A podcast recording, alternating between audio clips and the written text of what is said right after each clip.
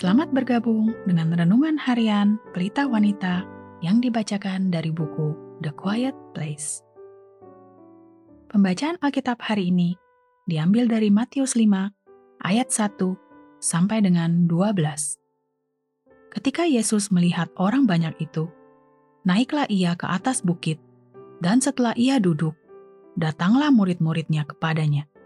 Maka Yesus pun mulai berbicara dan mengajar mereka Katanya, Berbahagialah orang yang miskin di hadapan Allah, karena merekalah yang empunya kerajaan sorga. Berbahagialah orang yang berduka cita, karena mereka akan dihibur. Berbahagialah orang yang lemah lembut, karena mereka akan memiliki bumi. Berbahagialah orang yang lapar dan haus akan kebenaran, karena mereka akan dipuaskan. Berbahagialah orang yang murah hatinya, karena mereka akan beroleh kemurahan. Berbahagialah orang yang suci hatinya, karena mereka akan melihat Allah. Berbahagialah orang yang membawa damai, karena mereka akan disebut anak-anak Allah. Berbahagialah orang yang dianiaya oleh sebab kebenaran, karena merekalah yang empunya kerajaan sorga. Berbahagialah kamu, jika karena aku kamu dicela dan dianiaya, dan kepadamu difitnahkan segala yang jahat. Bersukacitalah dan bergembiralah, karena upahmu besar di sorga. Sebab demikian juga telah dianiaya nabi-nabi yang sebelum kamu.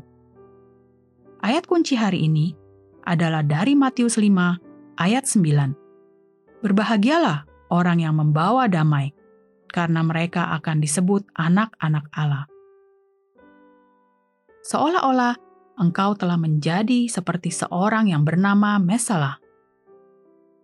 Jika Anda pernah menonton film klasik Ben-Hur, Anda ingat kata-kata tajam dari Esther, kekasih masa kecil Judah Ben-Hur. Setelah mendengar keinginan Judah untuk membalas dendam, Judah ingin membalaskan dendamnya kepada seorang teman yang dulunya sangat akrab dengannya, yang bernama Mesalah. Mesala telah mengkhianati Juda terhadap orang-orang Romawi. Juda telah dituduh secara keliru menyerang seorang perwira Romawi.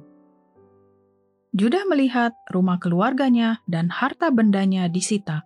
Ibu dan saudara perempuannya dipenjara di sel bawah tanah, di mana mereka berdua terjangkit penyakit kusta. Dia sendiri dihukum sebagai budak di dapur kapal perang Romawi yang setiap harinya dicambuk sebelum ia melarikan diri dan akhirnya kembali ke rumahnya yang sudah hancur. Kebetulan pada hari yang sama, Esther sangat tersentuh oleh pengajaran seorang pria bernama Yesus di lereng bukit terdekat. Dia memohon kepada Juda untuk memilih cara yang berbeda, cara Yesus, untuk berespon terhadap kemarahan dan kebenciannya. Ketika dia mengejek permohonan Esther, untuk membuat pilihan radikal untuk mengampuni dan mencintai musuhnya, dengan berlinang air mata, Esther menjawab, "Saya mencintai Judah Ben-Hur yang dulu. Apa yang terjadi padanya? Sepertinya sekarang engkau telah menjadi seseorang yang sangat ingin kau hancurkan, seolah-olah engkau telah menjadi mesalah." Resapi kalimat ini sejenak jika Anda telah lama berjuang untuk mengampuni pelanggaran yang telah dilakukan terhadap Anda, apakah mungkin Anda tanpa sadar telah berubah menjadi sama seperti orang yang menyakiti Anda? Sebaliknya, Allah ingin Anda menjadi serupa seperti anaknya yang dipenuhi dengan rohnya, memperlihatkan sikap dan sifat-sifatnya mengekspresikan hati Bapa Surgawi Anda yang penuh kasih. Sikap tidak mau memaafkan akan menjadikan Anda orang yang berbeda, menjadi orang yang Anda sendiri tidak inginkan, memperlihatkan semangat, sikap, dan karakteristik yang Anda benci di dalam diri orang lain. Hanya melalui sikap mengampunilah Anda dapat menjadi pribadi yang Dia ciptakan dan ditebus sesuai dengan rancangannya. Sebagai penutup, mari kita merenungkan pertanyaan ini.